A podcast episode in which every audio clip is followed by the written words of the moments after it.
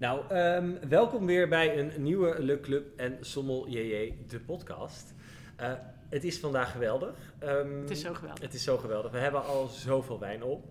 Ehm, dus voor de luisteraars die het zo gezellig vinden dat een eh, Nadine licht hysterisch aangeschoten is, dat is fantastisch. Nee, maar we zijn vandaag afgerezen naar de Champagne. Ja. Dat is toch wel echt de mooiste plek op aarde. Zeker weten. En we zijn dus uitgenodigd bij Charles Heidsieck. Dat is best wel leuk. Dat is heel leuk. Dat is heel leuk. Dat is ook gewoon heel chic. En ehm, ja, we hebben hier dus niet, ja, niemand. Ja, we hebben gewoon een hele bijzondere gast. Een hele bijzondere Een gast. hele bijzondere We gast. hebben de wijnmaker naast ons zitten. Ja. En Die gaan we zo introduceren en dan gaan we zo ook over naar het Engels. Dus dan moeten we allemaal even. Als dit de tv zou zijn, zou ik zeggen: eh, check even 888, er zit de ondertiteling aan. Dat hebben we niet. Ehm, maar hij spreekt echt fantastisch goed Engels. Komt helemaal goed. Dus dit komt helemaal goed. En het is zo'n leuk vent. Ja. En hij zit gewoon naast ons. Hij heeft geen idee dat we dit zeggen. dat Let's is de go. Let's go.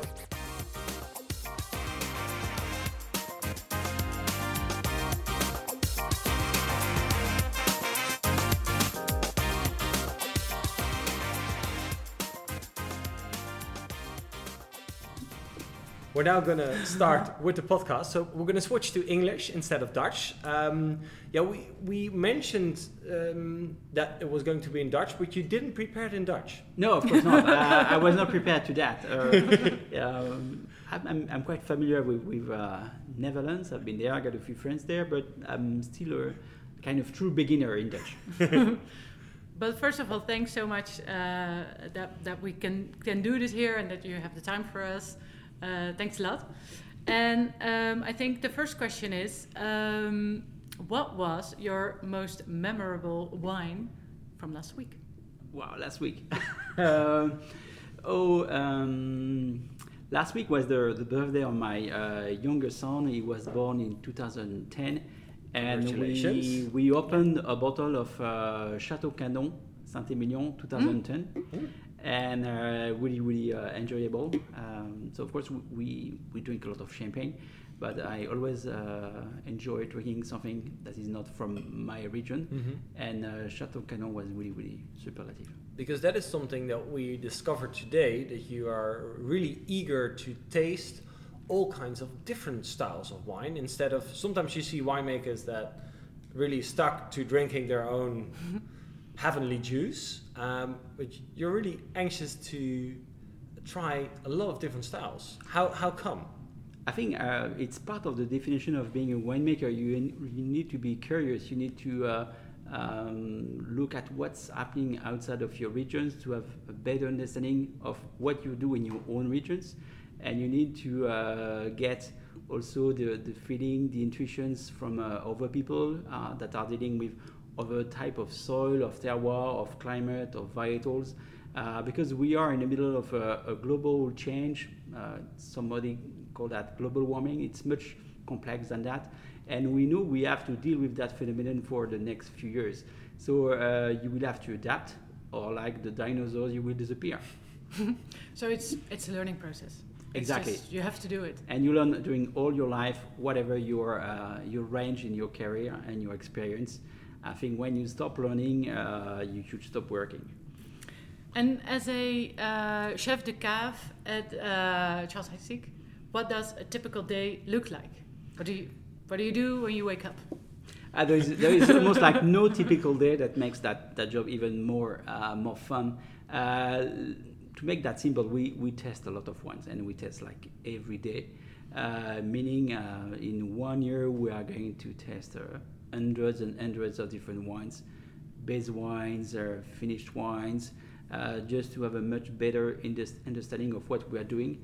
And our, our job is all about details. And uh, Mhm. once more, we need to have a very um, uh, detailed approach of everything we are doing because uh, you are going to, to just play on one component or one half a percent of something and it will, it will dramatically change the entire blend.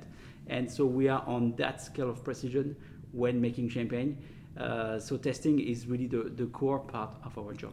And do you do that uh, in the morning, preferably? Yes, Or- yeah. we we are we have some kind of habits. We tend we test to uh, from ten to uh, to noon roughly because Mhm. uh, the breakfast is far away, so our test birds are are more eager to um, really get the small nuances cleaner. that Yeah. are very clean, and uh, that's the, the moment you are probably the most accurate. Mhm. Okay, interesting. And and do you find, for example, if you're tasting the vins clairs, uh, is it difficult because it's so high in acid?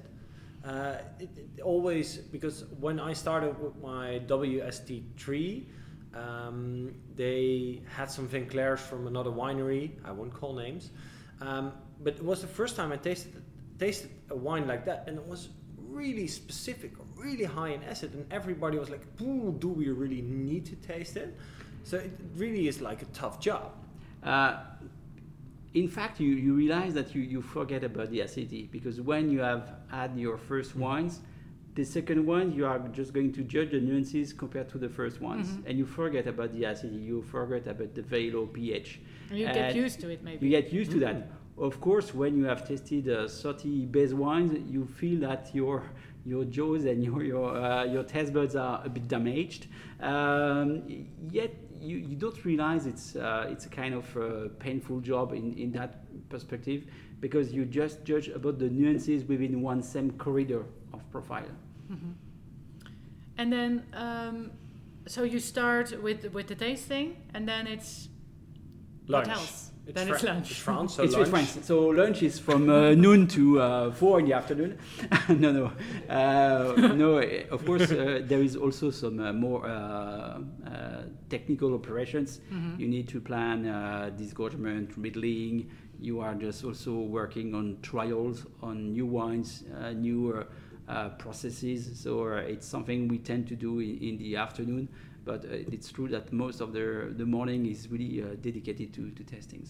And how did you uh, become the chef de cave here? Do you work in, in champagne or in wine your whole career already? So uh, in my family, we have this uh, winemaking background. I'm the fifth generation that has had this uh, this background. Uh, so my father, uh, grandfather, great grandfather, they were already in the industry. My mom was a doctor, so she was pushing me to become a doctor. So I've basically studied sciences, and yet at the very end, I've just taken the, the curve left rather than right uh, to become a winemaker rather than to become a doctor. and you've all, yeah, well, theoretically, you've always wanted to be. Yes, I've, never thought of anything It's in the blood. else. Yeah, in it's the blood. fr- from the uh, earlier times I can remember. Uh, I've learned to to work uh, just uh, uh, working around a, a barrel that was uh, done by my great grandfather, and so th- that that was part of my DNA from the beginning. Yes. Mhm. And uh, you've stayed in Champagne the, the entire time? No, Or- I, I've, I've graduated uh, from the, the university in Champagne, but I wanted to explore and discover some other facets of the job. So uh, I went uh, uh, in Bordeaux. That's that was my f- my first uh, experience working for Chateaubriand. It could be a much worse way of starting uh, worse. a, a career of, of winemakers. And uh, I've, I've just kept that curiosity. And when I was traveling, any place they were making wines, I was very eager to, to taste and uh, explore for the best and sometimes the worst. It's not a bad place to start. Not at all. No, It could be much worse. it could be much worse. So we've tasted uh, quite uh, A range. a range Yeah. already, and I guess we're well. We were already a big fan of the Brut Reserve, and um, you mentioned during during the lunch that it's actually the the most difficult wine to make. Actually, yes, because the uh, the non-vintage is really the signature of the wine, and uh, whatever happens during uh, the year in, in the vineyards, uh, our customers they, they don't have to care about that. What they want is to have exactly the same experience, the same Mhm. enjoyment Mhm. when they have a glass of Charles Heidsieck. So it's my job to really work on the current vintage with uh, the help of the reserve wines, so the, the, the base wines that have been put aside from previous vintages, to set up a blend to make sure that we'll have this consistency in the taste and in the experience our customers. Yeah, and it's quite a large portion of reserve wines in the in the yes, Reserve now we are we compared are, to others. Yes, we are we are approaching the, the, the ratio of like 50% of reserve, which is clearly much much higher than the average of the industry being uh, about uh, 12, 15%. Yeah. Uh, so nowadays, uh, when we think about the uh, the base year of our non vintage, it's no longer linked to the quality or to reflect the style of the base year, but more to give a date on, on the on the edge of the bottles, uh, more than to have a link with the the base uh, year of the vintage. Because what you also told us today is, um, and then we have a small, could have a small discussion about climate change, is that you are now putting away more reserve wines in order to cope with climate change. Yes. Could you elaborate about that? Because that was really like an eye opener for Yeah. us. that could be perceived as a as a paradox, but that's that's a, a true fact. Um, I mean, we, there is a global warming that has just occurred for now many years, Yeah. and uh, we observe that uh, adding some very old wines that have not or least impacted by uh, global warming in fresh wines Mhm. is bringing freshness more than thinking that because it's fresh wines from the, the, the, the most recent harvest, it's going to, to keep and capture the freshness. And it's a true uh, interesting question. And, and the, the, the next question is how are we going to make it possible for the next years? Because we have the first in, first out in the terms of uh, reserve wines, and we have to now manage to capture the essence of that freshness. So it goes through uh, no malolactic fermentation, for instance, or earlier picking, or this kind of uh, uh, grape varietal selection to make sure that even in the future we will be capable to preserve the, the identity of our champagne. Mm-hmm. Interesting. Interesting. Yeah, because we always thought that uh, just start early picking um, and then problem solved. But in a way, of course, that's not the s- solution because if you start with early picking, you have grapes that are not fully ripe yet or have the, the right phenolic ripeness, um, which makes it, of course, more difficult. And then I think something you also learned us today is you get more bitterness. And that bitterness, if not managed correctly, will get the overhand in champagne then. Yes, but we, we tend to observe that uh, we might, in some, I mean, marginal proportion, Mm-hmm. replace uh, the lack of acidity in some ways with positive bitterness. Because if you uh, look what's happening when testing, uh, the sensors of bitterness and acidity are very side by side. Yeah, yeah. So you can imagine that in some cases, even a wine that it, that it is testing uh, not so fresh on the palate, with a little touch of positive bitterness, Yeah. will just preserve exactly same balance. But there's a fine line. That- yes, exactly. The, the line is super super fine. Yes, of course. Because if you uh, if you get it wrong, it's it's a, just having bitterness in your wine is a disaster. Yeah. No? Well, uh, I was thinking about the, the reserve wines, and we talked about it earlier. So we need the 50% more or less to get in the, the reserve, but that is also challenging to make the vintage, of course, Yes, of course, because to, to have enough left. Every time you, you put a, a lot of uh, reserve wine aside, you have uh, a bit less leftover to make the vintages. Um, it means that to me, I don't f- feel like it's a big deal, uh, and we are becoming more and more selective in uh, creating and making vintages. Um, we make a vintage somehow three, four times for every 10 years or so. Mhm. I think it's a, it's a proper way to make vintages because on the paper you don't have much more uh, years that are really uh, worth being made as a vintage. Uh, so what we see is that when we might be tempted to make a vintage and that we don't do it, it's a good opportunity to make more wines in reserves. Mhm. Mm, smart. Yeah. Yeah. Um, then, uh, of course, we now covered the, the non-vintage, which we learned is very difficult to make. Yeah. Almost the most difficult wine of all. Maybe we should re- uh, quickly the, discuss the, the grapes used Yeah. Oh yeah. in the Brut Reserve. So typically in the Brut Reserve, we are going to use uh, 40% of Pinot Noir, 40% of Chardonnay, and 20% of Meunier. Uh, the, the Meunier is only used as a fresh ingredients, Mhm. and for both Pinot Noir and Chardonnay, it's going to be half fresh ingredients, half reserve. Oh, yeah. Okay. And b- why is that? Uh, because we, we have the um, we want to really uh, cover all the different facets of both Chardonnay and Pinot Noir, the fresh and the mature side together that are combined. So half as a fresh and half as a maturing uh, part of uh, Pinot Noir and Chardonnay is very interesting in terms of complexity. The Meunier is more like a monolithic profile, so we only use it on the fresh side to really enlighten the uh, the fresh part. Of Yeah, the, of and the it profile. also brings the fruitiness, right? Exactly. In the, in, in the wine. which will not be covered by both uh, Pinot Noir and Chardonnay. Mhm. So I will not be mm, capable to make Charles without Meunier. and you've vinified all separately. Yes, of course. yeah. Grape varietal per grape varietal and uh, terroir by terroir, of course. So how many Thanks. tanks are there? Uh, 400 plus. And and you Plus, told us uh, today plus that half you, a thousand you, tanks, you uh, sometimes Yeah. smell the wines Yeah, and taste and say, "Oh, this is from this." This, uh, yeah, it's very interesting for us that you just taste something like, "Oh, yeah, that's coming from there." Well, that, that's a nice story, I think, with the with the Blanc de Blanc, yeah, with the five ingredients. Yeah, exactly. Seems so easy. yeah. But, But it's not. for me, it's it's my garden. So uh, you you see uh, five components, and you have been testing those components so frequently that uh, you recognize, like you recognize uh, blue, uh, green, orange, yellow, Mhm. and and that's it. Uh, it's uh, when you test wines every day for the last 25 years, uh, you are capable to do that. There's nothing. I'm not a, a, a superhero be, being capable to do that. No. Well, you are at least a super champagne hero. That's nice.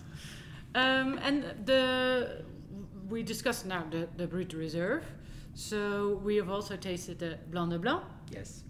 and that's uh, I think it's it's nice maybe to tell a little bit more about that. So, so the Blanc de Blanc has been uh, created many, many years ago, and for some reason has been discontinued. Mhm. Then we had a more uh, bigger focus on the on the vintage Blanc de Blanc, and recently, so uh, four years ago, we decided to, to come back on that category of non-vintage Blanc de Blanc. And the idea was to have uh, two significantly different profile of Blanc de Blanc within the range mm-hmm. uh, the non-vintage Blanc de Blanc, and at the upper part of the of the range, the, the Blanc des Millénaires. What's So- in our glass right now? Yeah, exactly. That's what we get. yeah, we, we actually have two vintages of a Blanc des Millénaires today because, um, yeah, accidents just happen. Yeah, Yeah, we were Yeah. we, we, we were in luck. that was a very Yeah. fortunate accident. Yeah, it was- yeah. very fortunate accident. I'm very happy with that still. yeah. So the non-vintage Blanc de Blanc um, has really to, to capture the essence of what should be a, a non-vintage Blanc de Blanc, so something crisp type with this minerality, this uh, tension, uh, with this kind of zesty profile. A wine that is more aperitif driven Mhm. rather than uh, gastronomy driven. And at the opposite style of the of the Blanc de Blanc, you have the Blanc de Mer, which is yet still very uh, appealing with the tension and crispiness, but that is much more on the texture side of the Mhm. Chardonnay. hmm And the the lees aging, we didn't mention it in, at the Brut Reserve, but it's also quite long. Yeah, it's quite long. Uh, typically, by law, you should age only 15 months. Uh huh. At Charles, we are exceeding uh, four to five years. And that's for the Brut Reserve and also for the Blanc de Blanc. Uh, for the Blanc Blanc, it's even Longer. more than that. Uh, as well for the Rosé uh, non-vintage, we are uh, much closer to five years than to uh, to four And years. Another interesting part that you told us, and uh, that is regarding the Blanc de Blanc, is that um, you use for the non-vintage Blanc de Blanc also 20% reserve wines. Yes. And if uh, um, we briefly discussed it, but uh, when looking to other wine houses in the region, um, you people listening to the podcast should think twenty percent. It's not that much, but twenty percent in a Blanc de Blanc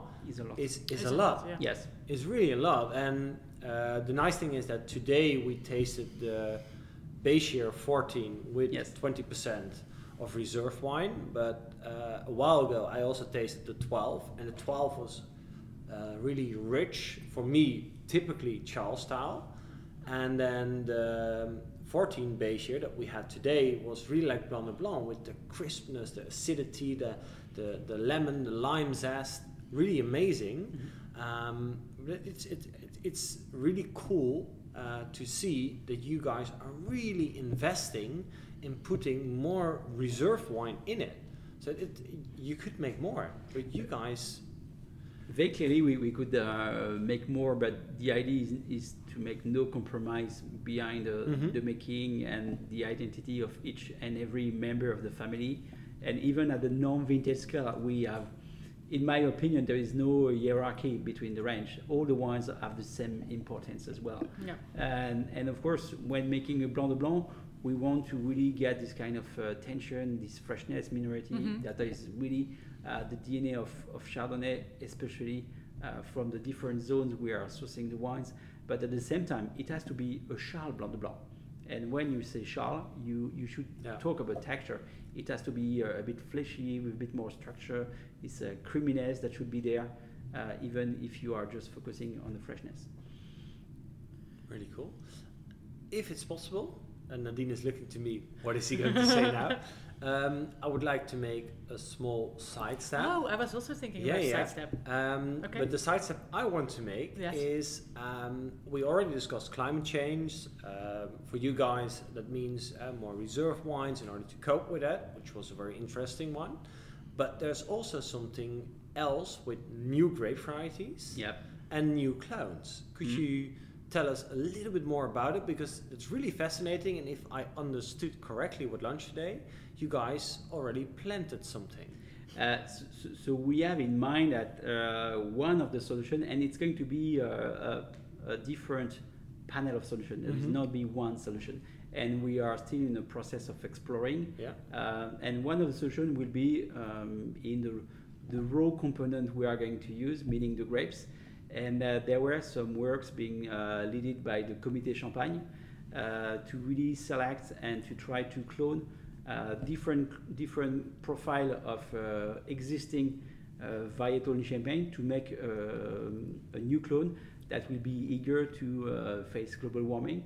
So to uh, to uh, to capture freshness uh, longer and to be less sensible uh, to variations we, we have been uh, observing in, the last couple of years. And uh, this year there is one plot uh, that's going to be uh, planted with one of that uh, the, the Voltis. The Voltis. Yeah, so uh, it's still um, uh, Experimental something phase. experimental, and uh, I'm not even sure I will get the result before I get I get my retirement. But uh, it's how you learn, and it's how, it's how you you move uh, uh, the different uh, things, and uh, uh, I guess it's one of the of the options we have.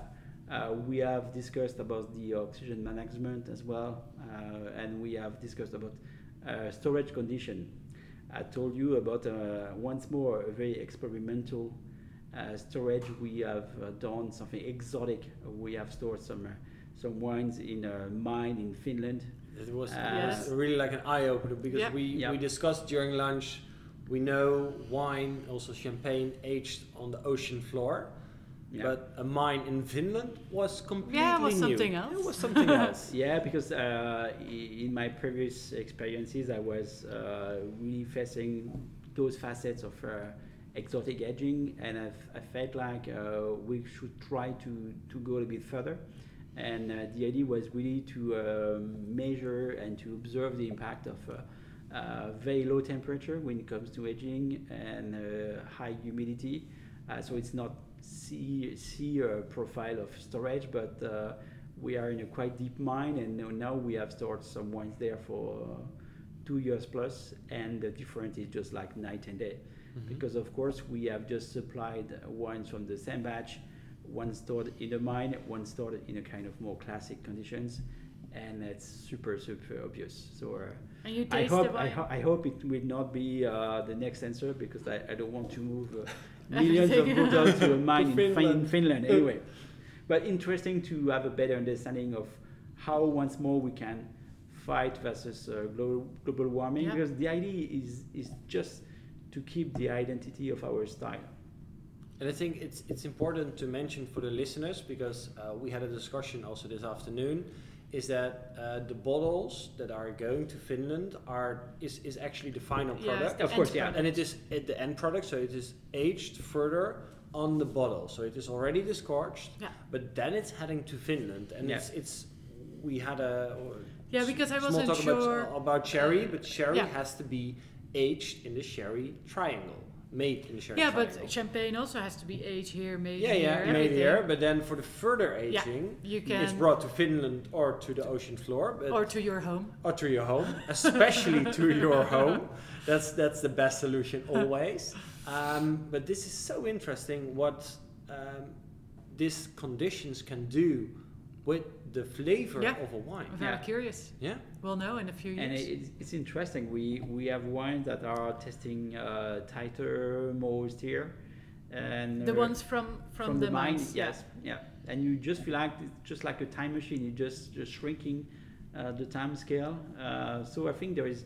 It's it will it will be a, a long a long term experience, and uh, uh, I think we need to to learn more about that.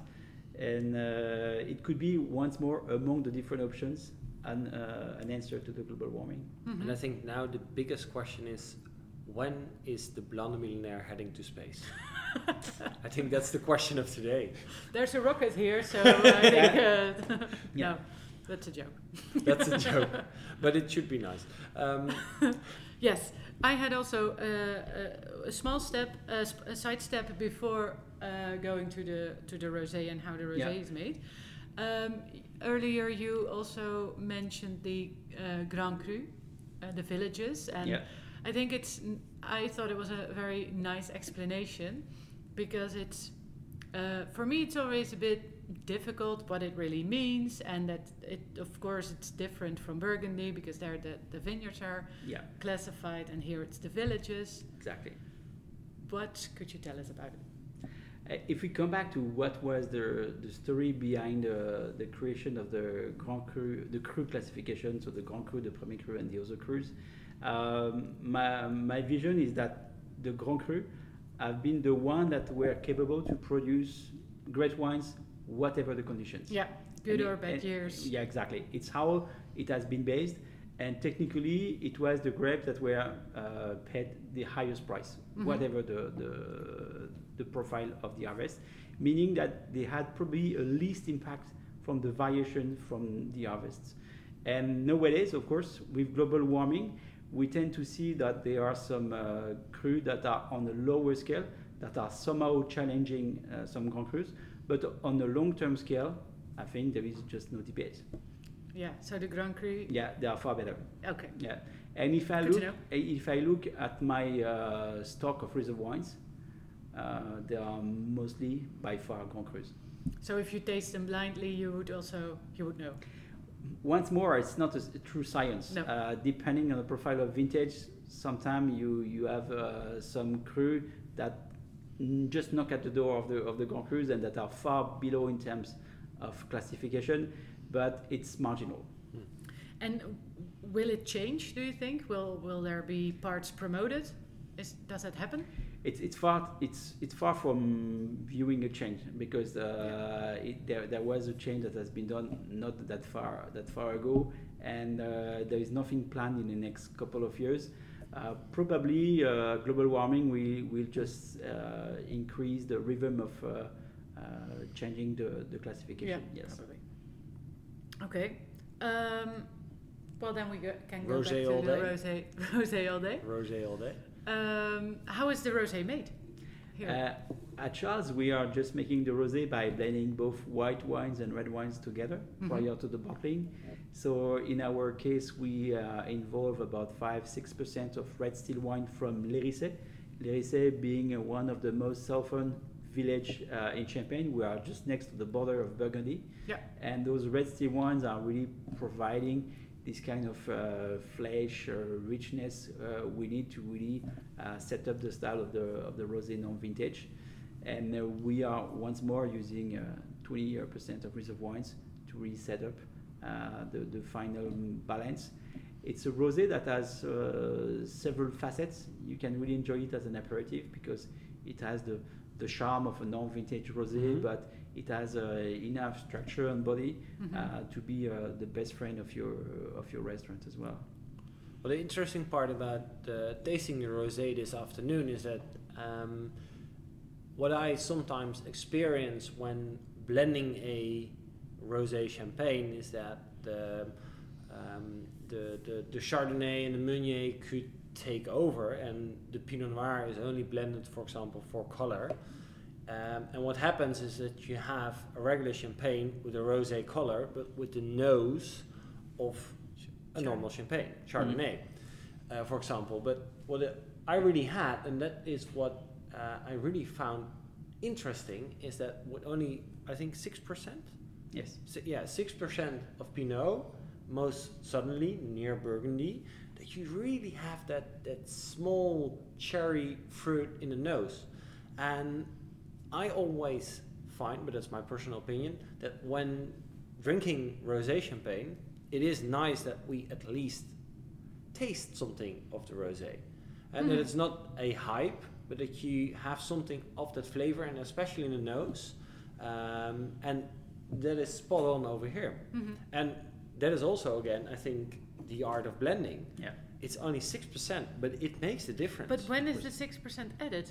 Uh, just at the very end of the process, uh, a couple of weeks before the bottling, because I set Ah. up the the white base on one side and the red base on the other side, and just of course, uh, it's not be it's not going to be exactly the same white base than the one of the Brut Reserve non No. vintage. Mhm. I'm going to uh, select apart a few ingredients that are more matching the profile of the rosé non vintage, Mhm. and I will just tweak a little bit my white base just before I hide the, the, the red wines together.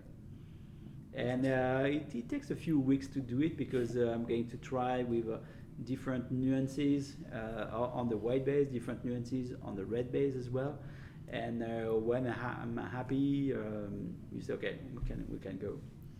And the red wine that you use for the rosé is only made to use for the rosé. It's not. Exactly. You don't make a red wine. We we make several red wines. Uh, we make red wines that are really dedicated to become part of the rosé uh, non-vintage, and we when it's possible, when the nature is is, is generous with us, uh, we can also make red wines for vintage rosé because we also have a vintage rosé among the range.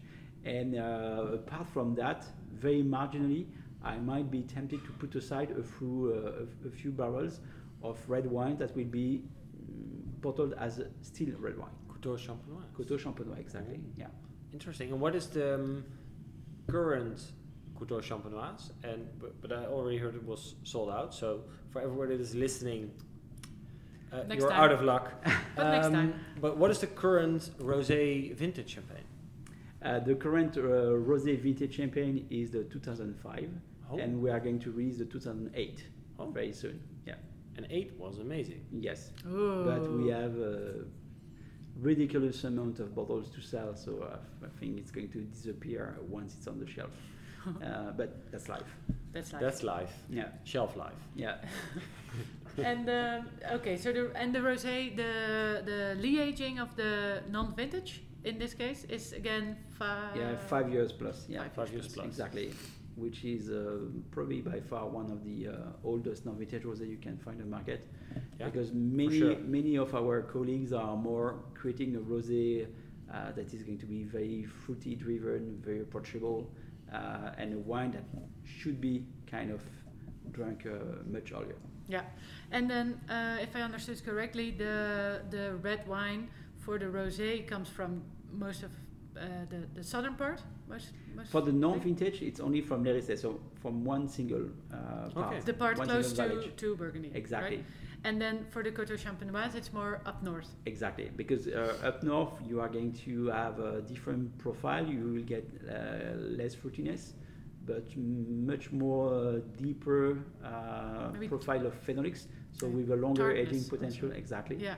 And uh, and yet, of course, by testing, I might be uh, putting aside a couple of barrels to be bottled as it is, like a, a red still wine.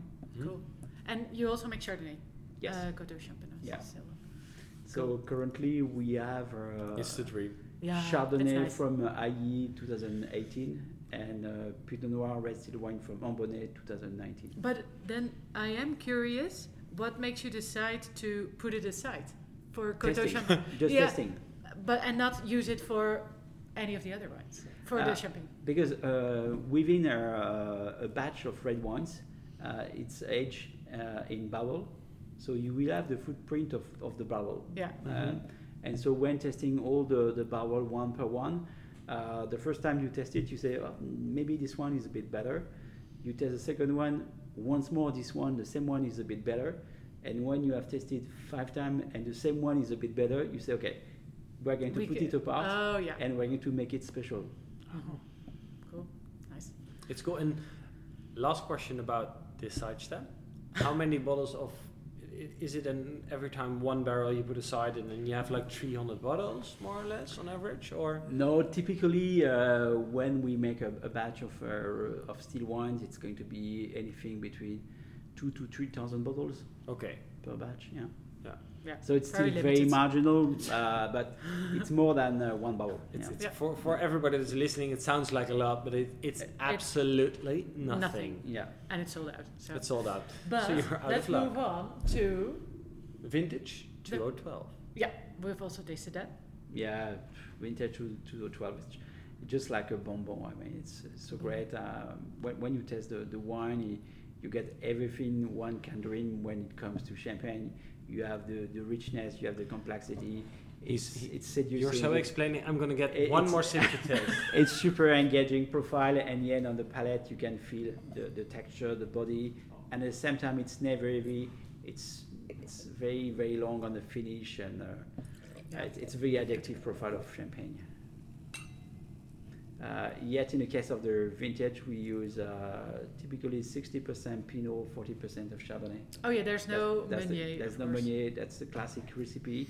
Uh, nothing wrong about the Meunier, but this champagne is uh, typically uh, supposed to age uh, eight years plus in the cellars, and we know that the Meunier will tend to uh, just uh, uh, decrease uh, with this uh, long time on the lees. So that's why we don't involve the Meunier. Yep.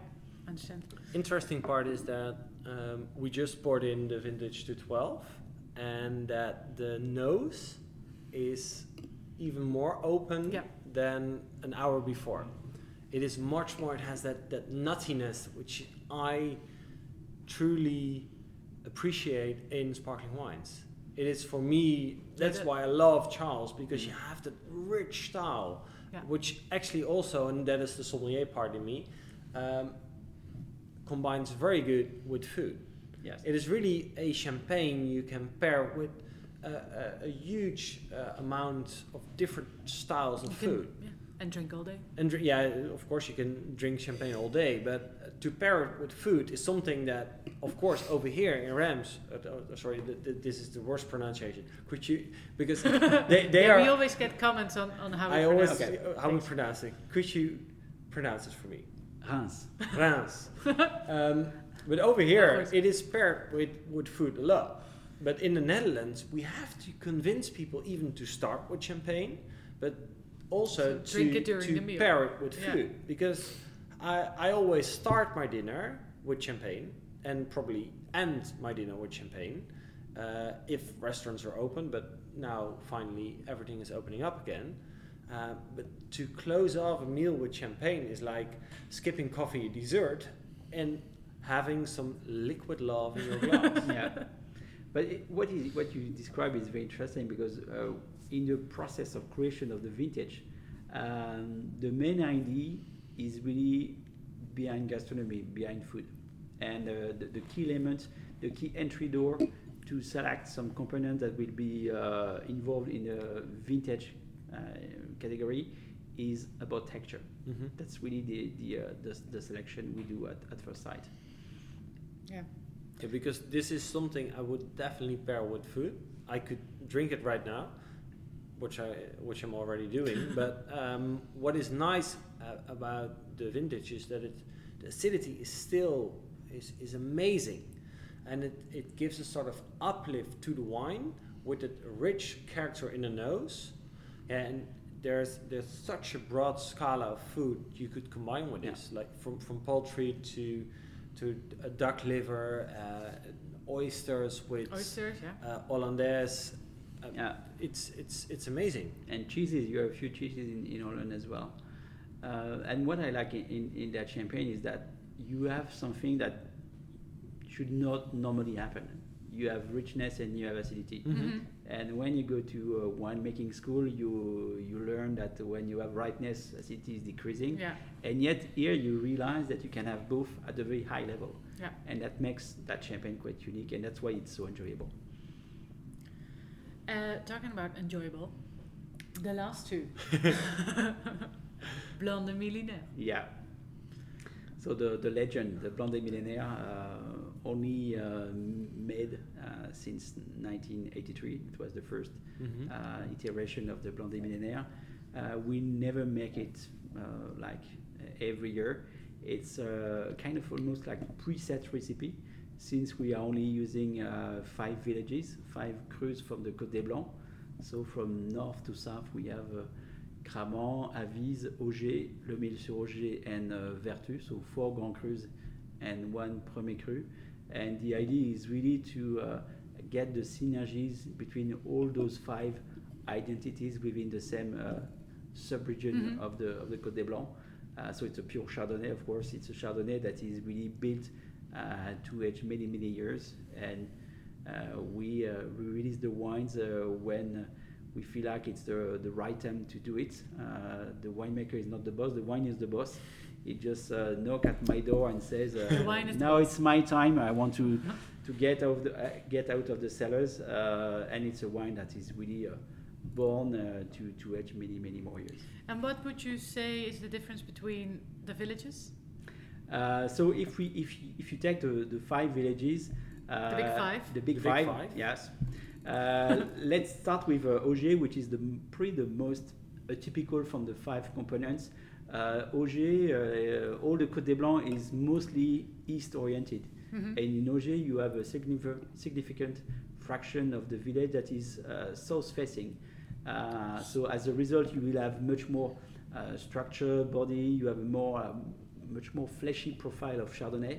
Because it's a bit warmer. Exactly, Yeah. because it's a bit warmer and you have a kind of circus inside uh, Oger that makes uh, Mhm. the profile of, of those Chardonnay a, a bit richer. Uh, as a paradox, side by side, you have Le Mesnil, which is almost like the opposite, and you, you have just crossed uh, five meters from Mhm. Oger and, and Le Mesnil, and uh, it's just the opposite. It's very, very uh, austere, severe when young. It's uh, very minimal, uh, high acidity, So long, long aging potential. So interesting Yeah. interesting to to uh, uh, to attend to that wedding uh, between uh, Oger and Benedil. and then uh, close to that, you have two uh, components that are a bit different from both uh, Le and Oger. You have Avize that in some ways could be perceived as a bit more exuberant, a bit more tropical, uh, quite rich, quite complex on the nose. Not so complex on the, on the palate, but very interesting on, on the nose. Uh, same profile uh, on the nose for uh, Cramant, which is very floral, very delicate. Once more, not something very, very uh, impactful on the palate, uh, but yet you have much more uh, to, do, to do with uh, Oger and Le Mesnil for that. And finally, last but not least, is uh, Vertus. Yeah. Mhm. Uh, Vertus is a quite a, a vast uh, village in Champagne. That's the second larger uh, village in Champagne. And uh, you have two different facets in Vertus. You can be on the north, where you will be kind of uh, Le Mesnil-sur-Oger alike in, in Mhm. the profile, or in the very southern part of the village, where you will tend to uh, test alike uh, the Côte de Sézanne. And then, depending on the profile of the other four components, I will select in the north or the south of the Yeah. village which profile of Vertus I want to capture for each iteration. Yeah, so the, the, that, that village is, is quite handy. Yes. Because you can. s- And, and we are lucky to get access to, to those grapes that Yeah, are clearly the true. most the most sought after in Champagne.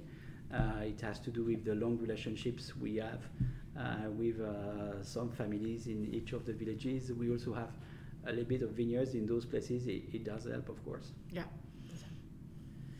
Um, I think. Yeah, we, we had a small accident today, uh, and that is the reason that we have two vintages of a Blanc des Millénaires. Yep. So we have the 204 and the 206, in which the 206 is the current vintage that Yes, is correct. sold in the Netherlands. Um, Yeah. wha- what will be the next? Is it already? No, I, I, I know it, but uh, You I can't cannot say. tell it at No, the it's moment. secret. We almost Yeah. got it, Yeah. Almost. almost, but we did. Yeah. yeah. that is that is you always keep on trying to get an but then two, uh, 2006 is the is It's the current vintage yeah. on the market, and uh, I, I, I like the profile of the 06. And even it's a Blanc des Millénaires, you get the footprint of the vintage. Mhm. And the footprint is, of the 06 is kind of uh, richness, uh, bold, uh, uh, really uh, mouthful finish uh, of the Chardonnay uh, profile. You don't have this kind of uh, tension or this kind of uh, uh, laser sharp uh, profile of acidity, but you have such a powerful finish that is Mhm. it's unbelievable. yeah And we had side by side the 04 and the 06, and the 06 is almost like the opposite. You had, you had less structure, less less uh, creaminess, butteriness on the finish, but you have this kind of uh, high tension, this Mhm. minerality that is really uh, impressive. It's, it's so interesting to taste the differences between the vintages. And I saw Nadine already looking to me for the rounding off part. no I was Oh. looking at you for the sommelier part because I thought you were gonna say something about the 04 and the 06 Well, yeah, to, i i to elaborate about that, um, uh, the 204 was really um, spot on for me because it had a lot of excitement. It had the acidity, the, the bar- burnt nuttiness. yeah the yeah the Uh, nuttiness. but not the richdom which 206 has. The 206 has that richness, that power, that a little bit lactic but not disturbing. And um, both are such a difference, but maybe, uh, and I think you also uh, explained it like that, is that the 204 is, and everybody that is now listening thinks, well, you always saw with the with the younger vintage, but we would actually start with the vintage 204 maybe as an aperitif because yeah what the that's hell? what you said yeah and then pair the 206 with food because it has much more creaminess and richdom uh, to combine better with food. Mhm. Uh, but that that's how I would do it. but I'm just a son. But what would be interesting if we were to do exactly the same experience in 10 years, they will tend to, Yeah, be, to, to be- come Yeah. back very, Yeah. very parallel and very similar. Because at this stage, the wines are, are young, meaning just 15 years old, Yeah. uh, roughly. Uh, and with extra aging, the footprint of the vintage is going to disappear, and the footprint of the terroir is going to take the lead on the Mhm. profile of the wines. So if we are to do it, and it's a, it's a true invitation, uh, to do it in 10 years, side by side, the, the difference will be much smaller than today. because the ingredients more or less are the same Yes, of course, they are, they are 95% the same. 90 yeah. And so when, uh, with time, the, the, the footprint of the vintage is going to just uh, decrease, let's put it that way, and the terroir will, will come back. Yeah, that, so that's uh, nice. it's, it's in- interesting because yeah. when, when we do some uh, some vertical tastings and uh, the young wines, the vintage is very obvious, and the old wines, the terroir is very obvious. Cool. And that is very interesting because uh, I've had the pleasure to also had a private bottle of 1995, and uh, when I tasted the wine last summer to 20, it was still it was truly amazing. t- still v- quite young. It had a lot of You wouldn't think it was 1995. no, no. If somebody would have bought me this blind, I would have guessed maybe 10 till 15 years, maybe max. But this was still so lively, spot on, uh, excitement, um, and and I think that is truly the power of Blanc des Millénaires. Is the the aging potential is tremendous. Yeah. Uh, to combine it with food is heavenly. Um, o- o- actually what we're now drinking is maybe still too young but it, it is so exciting and it's so amazing Yeah, yeah. Uh, It's time. yeah and it's time um, We have a think, producer now. yeah we have a producer i think the best thing is is that we're going to round off and there's one thing i think we still need to mention Oh. and that is very important for everybody that's listening to the podcast Okay. um, is that the regular wine, the non-vintage, is also a wine that is able to age for a very long period of time, Yes. and that is the mise en cave. yes. Yeah, and we had the pleasure to taste. I won't. I, I, There's another story coming now. that's, that is, But that's this is part story. two. This, is part this two. is part two. Yeah. But even if you buy the non-vintage and you put a bottle in your cellar and you try to to don't drink it Yeah, for buy at least two. 10 years. One for now yeah. and then one for But in a couple of years. those bottles, put it away, hide it in your wife's closet or anything. Uh, it's it's not able to put over here in the cellar, but it is amazing and it shows the, the true potential of Charles. Yeah. And if I may add, if you get a chance to upscale for a Magnum, it's even better. Oh yes, Because everything in a Magnum bottle is better. yeah. it's better. I think that's the best way to end the podcast. but also to cheers. Thank you so Thank much. you so Thank- much. Thank you. Thank you. Was een heel leuk interview. Ik vond het wel heel spannend. Ondanks dat wij al een hele dag met die man hadden opgetrokken.